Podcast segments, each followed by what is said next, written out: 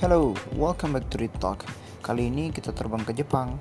Di sana ada Mas Cahyo Wisnu yang bakal nemenin gue. Mahasiswa doktoral Field Ecology Gifu University. Yaudah yuk, langsung aja kita dengerin bagaimana perkembangan COVID-19 yang ada di Jepang. Stay tuned.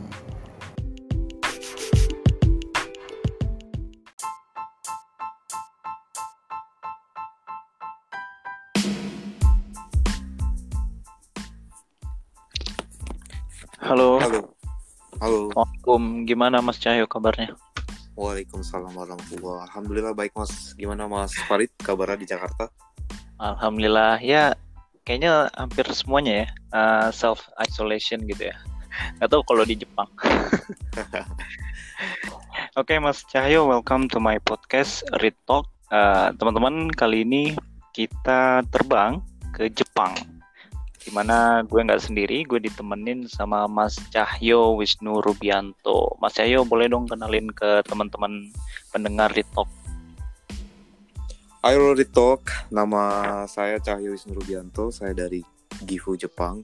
Uh, saya sedang mengambil doctoral student jurusan Field Ecology di Gifu University Jepang.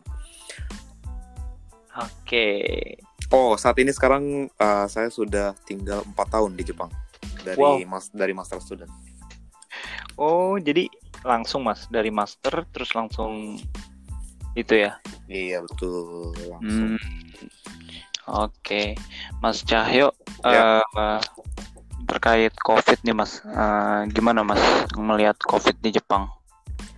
uh, COVID di Jepang sebenarnya udah dari awal banget ya semenjak dari Cina Mm-mm. itu udah dari pas tanggal 25 Januari itu udah ada. Tak kalau nggak salah tanggal 23 atau tanggal 25 tuh udah ada dua orang Cina kasus pertamanya. Di Jepang itu bukan dari orang Jepang justru dari orang Cina yang datang ke Jepang.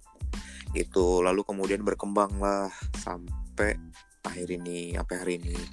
Tapi sebenarnya kasus Jepang itu yang paling banyak kan gara-gara kamu mungkin tahu gara-gara kasus kapal pesiar Diamond Prince itu kan Uh, kasus Diamond Prince itu sebenarnya setengahnya dari total kasus sekarang total di Diamond Prince itu totalnya kalau nggak salah 600 apa 800 gitu aku Oh. Hmm. Dari situ ya Mas ya, sehingga sampai saat ini nih. iya dan Kena. parahnya lagi gara-gara waktu itu Kementerian Kesehatannya tuh sempat kelolosan jadi harusnya kan semua orang yang keluar dari kapal pesiar itu harus dicek nah tapi kelolosan 26 penumpang yang tidak dicek nah saat itu Wow. pemerintah Jepang kayak minta maaf banget tapi masyarakat Jepang kayak kayak apa ya kayak ya sa- sama lah kayak di Indonesia menghujat pemerintahnya gitu kayak gitu menyalah menyalahkan pemerintah padahal pemerintah ya sudah bersikeras ya karena virus ini kan kayaknya case baru di semua negara ya Iya. ya kita nggak bisa Aha.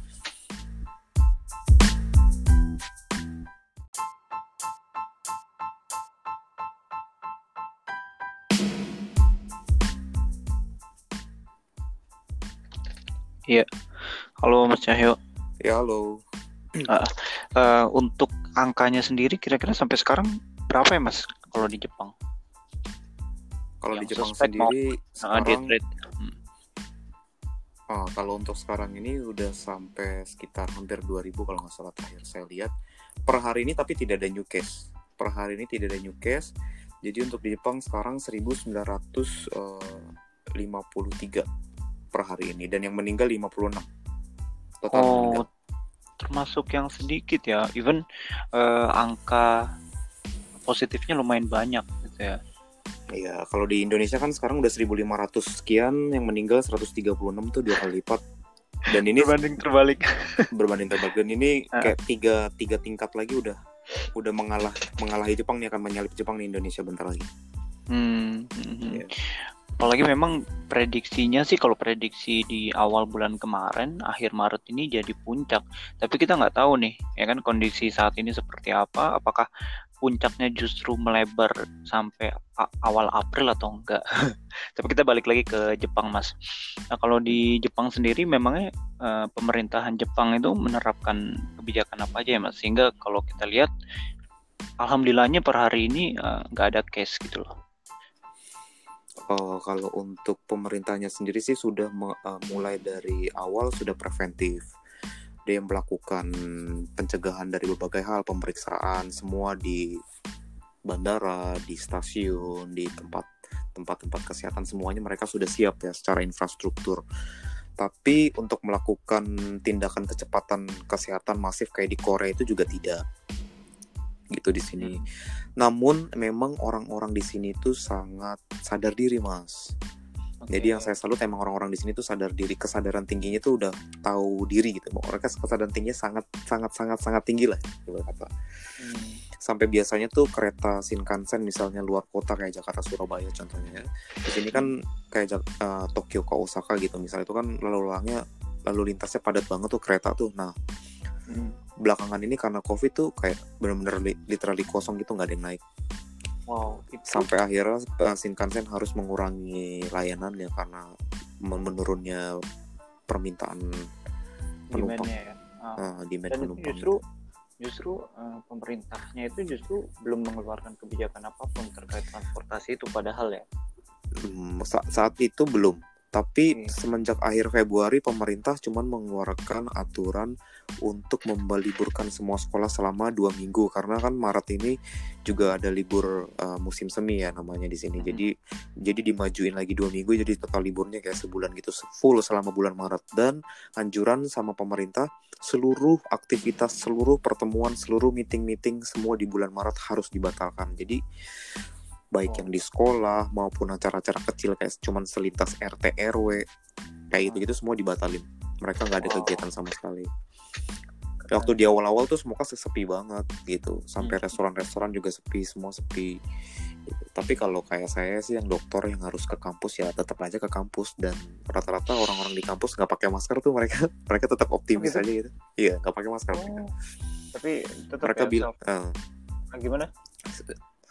eh, mereka tetap tidak pakai masker tapi mereka tetap menjaga jarak gitu. Iya, maksudnya. Mereka nggak banyak berinteraksi aja betul self self awareness-nya eh, apa namanya kepedulian sama diri sendiri itu udah udah ya dewasa lah maksudnya udah tahu mana yang harus dia jaga dan lain sebagainya. Jadi ya tadi kayak mas bilang eh, apa namanya eh, kepedulian terhadap diri sendiri itu tinggi kalau di di Jepang gitu. Dan memang sebelum ada corona pun mereka sudah begitu gitu jadi udah terbiasa. See. Sebelum ada corona pun mereka sudah memang sudah menjaga jarak udah social distancing sudah physical distancing sama orang lain. Dan kalau mereka sudah sakit kena flu aja misalnya flu batuk pilek aja mereka udah harus pakai masker dan mereka tidak datang ke kampus. Mereka akan bilang kalau saya lagi kena flu jadi mereka mungkin seminggu akan libur sampai benar-benar dia di rumah sembuh gitu. Oh, hebat ya culture-nya. Eh, Oke, kira-kira apa lagi mas yang unik Jepang tapi mungkin nggak ada di Indonesia gitu. Sehingga kan kalau kita lihat nih eh, bukan cuma pemerintahnya aja yang gerak tapi juga masyarakatnya tuh juga awareness diri sendirinya juga gitu kan. Nah kalau di sana apalagi kira-kira? Sebenarnya masyarakat di Indonesia itu juga sudah kesadarannya juga sudah cukup bagus. Apalagi urun tangannya itu sangat bagus mereka sangat ngebantu kan. Eh, udah saling menyumbang mereka juga sudah saya ngeliat juga kayaknya beberapa kampung di Indonesia juga sudah mulai melockdown diri sendiri. Itu su- udah salah satu preventif yang luar biasa.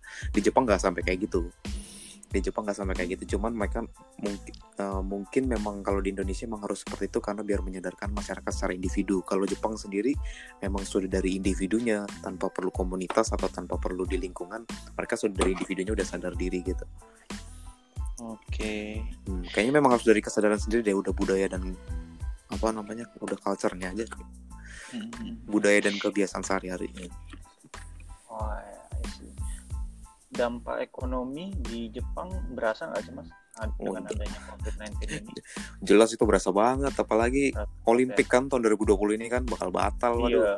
padahal udah mau beli tiketnya tuh Olimpik buat nonton. Tapi semua batal tapi eh, itu tau nggak Olimpiknya itu dananya tahu kamu berapa? Dan yang dihabiskan itu hampir sebesar APBN kita negara Indonesia hampir 2000 triliun Gila. untuk acara hanya untuk acara Olimpik itu. Bayangkan mereka sudah membangun infrastruktur besar-besaran, membangun stadion, membangun segala hal, sampai merchandise semuanya sudah tersebar di seluruh Jepang dari 3-4 tahun yang lalu. itu mereka Gila, sudah gila. siapkan semua dan itu kalau batal semua kan berarti Ambas Berapa gitu ya. Habis semua. Sekarang hotel-hotel juga udah habis. Shinkansen juga udah kosong. Itu secara ekonomi makro juga udah parah. Dan Jepang itu kan emang pertumbuhan ekonominya minus ya. Gak Iya. seperti Indonesia kan pertumbuhannya 5% nih Indonesia. Eh, Jepang tuh emang sudah minus. Ditambah sekarang ada kasus corona ini semakin ambruk Jepang sebenarnya. Lebih parah Jepang sebenarnya kalau secara ekonomi. Oke. Hmm. Ya, memang dampak corona nih lebih parah ke Jepang ya dibanding Indonesia sendiri ya. Cuman memang kan kalau sebenarnya kita lihat dari tipikal negara, Jepang sendiri kan masih kategori negara maju kan.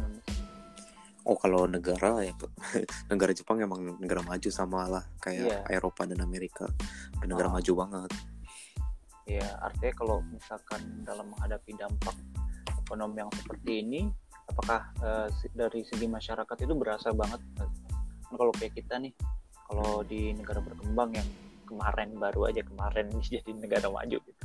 Hmm. uh, oleh Trump. Nah itu kan berasa banget nih sama kalangan menengah ke bawah. Nah kalau yang di Jepang itu gimana sih mas? Even tadi memang minus gitu perkembangan ekonominya, tapi masyarakatnya mer- berasa nggak? Eh, untuk orang yang gimana nih orang yang menengah ke bawah Ya menengah ke bawah terutama. Hmm, saya kan termasuk orang yang menengah ke bawah mungkin ya yang di sini. Iya bisa jadi perantau. Rantau maksudnya penghasilannya di bawah rata-rata orang Jepang, tapi kan saya tetap bisa punya penghasilan di sini. Maksudnya di sini tuh peluangnya juga peluang kerjanya juga lebih banyak. Artinya kita Hmm. bisa melakukan kerja seperti di restoran. Saya juga kerja di restoran, saya juga Oke. kerja part time di banyak hal. Saya juga ng- ngajar bahasa Inggris gitu misalnya. Jadi maksudnya tetap berjalan aja seperti biasa gitu. Dan orang-orang sini walaupun karena pemerintah di sini nggak melok melockdown, jadi eh, kita tetap melakukan aktivitas seperti biasa. Cuman memang kesa- perlu kesadaran diri. Kita habis ketemu siapa hari ini misalnya. Oh, gue habis Hmm. ketemu ini. Pastikan orang yang bakal kita ketemu itu adalah tahu histori riwayat perjalanan mereka dari mana Hmm. kalau tidak kalau tidak tahu mendingan gak usah ketemu sama dia gitu jadi kita tanya dulu mereka dari mana dari mana aman gak gitu kalau mau ketemu sama orang gitu misalnya sih kayak gitu sih kalau enggak pakai masker untuk preventif udah sadar gitu ya. Hmm. tapi tetap melakukan aktivitas seperti biasa kok restoran pergi ke restoran pergi ke mall aktif-aktif aja cuman memang jamnya dikurangin kayak mall ditutup lebih cepat sejam dua jam lebih cepat gitu I see.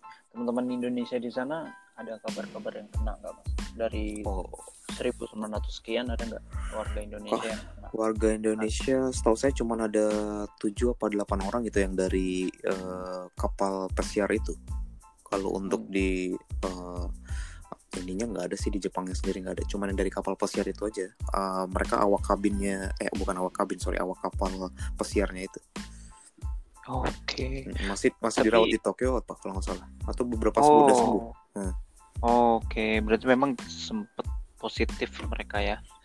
positif Oke. Ah, Tapi yang lain, alhamdulillah nggak nggak ada masalah ya mas ya, nggak ada kendala. Oke, thank you banget nih mas Yoi. Syahid atas Makasih, waktunya. Kayaknya ganggu nih. enggak lah udah slow udah selesai ujiannya Asik. Saya justru baru mau UTS nih mas minggu ini. wah semangat Oke, Mas, kira-kira ada salam nggak buat teman-teman yang pendengar di Indonesia barangkali dari Mas Salamnya buat- pribadi? Hmm.